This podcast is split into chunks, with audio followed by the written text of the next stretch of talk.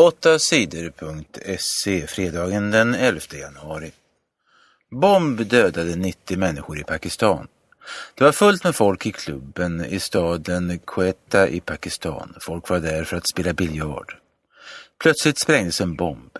Det var en självmordsbombare som slog till. Mannen hade gömt en bomb under kläderna.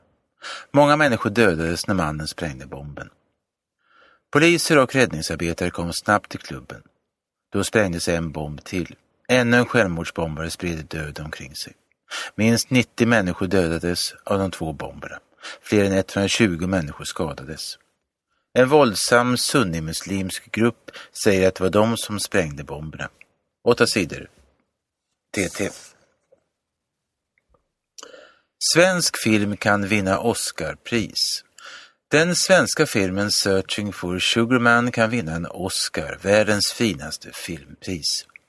Filmen tävlar om priset som bästa dokumentärfilm. Filmen är gjord av Malik Benjelloul och handlar om den amerikanske musikern Sixto Rodriguez. Han hade det knepigt och var inte särskilt populär i USA på 1970-talet. Vad han inte visste var att hans musik gjorde jättesuccé i landet Sydafrika. Det är första gången på 41 år som en svensk dokumentärfilm har chans att vinna en Oscar. En dokumentärfilm handlar om en verklig person eller händelse. Det är ingen påhittad berättelse. Moderaterna vill ha hårdare straff för unga. Unga brottslingar ska straffas hårdare. Moderaterna vill att brottslingar mellan 18 och 21 år ska få längre fängelsestraff. Det sade statsminister Fredrik Reinfeldt och justitieminister Beatrice Ask på torsdagen.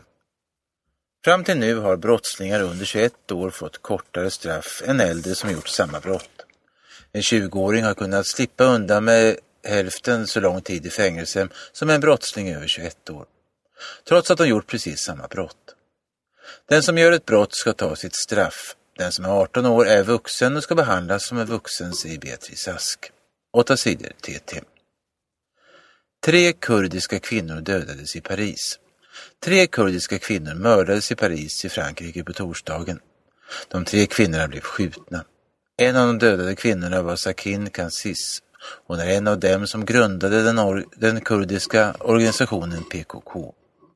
Hundratals kurder samlades under dagen utanför kontoret för att sörja de döda och protestera mot morden. PKK grundades på 1970-talet. PKK arbetar för att folkgruppen kurder ska få ett eget land. Idag bor de flesta kurder i Turkiet, Irak och Syrien. PKK har krigat och sprängt bomber i Turkiet. Många tusen människor har dödats. Extra pengar till chefer på SAS. Flygbolaget SAS har stora problem. Företaget har ont om pengar och måste spara. Många kommer att förlora jobben. De som, stannar, de som jobbar kvar kommer att få sänkta löner. Men inte riktigt alla. Några av cheferna på SAS har fått extra pengar. En del chefer har fått flera hundratusen kronor. De har fått pengar för att inte sluta på företaget. Många på SAS blev ledsna och arga när de fick reda på det. SAS ledare säger att det är viktigt för företaget att just de här cheferna jobbar kvar. Fyra misstänkta rånare är gripna. På torsdagen rånade en grupp män Handelsbanken i Näsby Park i Täby. De körde en bil rakt in i banken. Poliserna jagade rånarna med både polisbilar och helikopter. Rånarna sköt flera skott mot poliserna, men ingen träffades av skotten. Polisen grep senare på dagen fyra män. De är misstänkta för bron, rånet. Männen är kända brottslingar. Åtta sidor TT. Sverige är klart för OS. Det har gått dåligt för Sveriges skidskyttar den här vintern. Ingen svensk har varit bland de tre bästa på någon tävling. Det var länge sedan en vinter började så dåligt.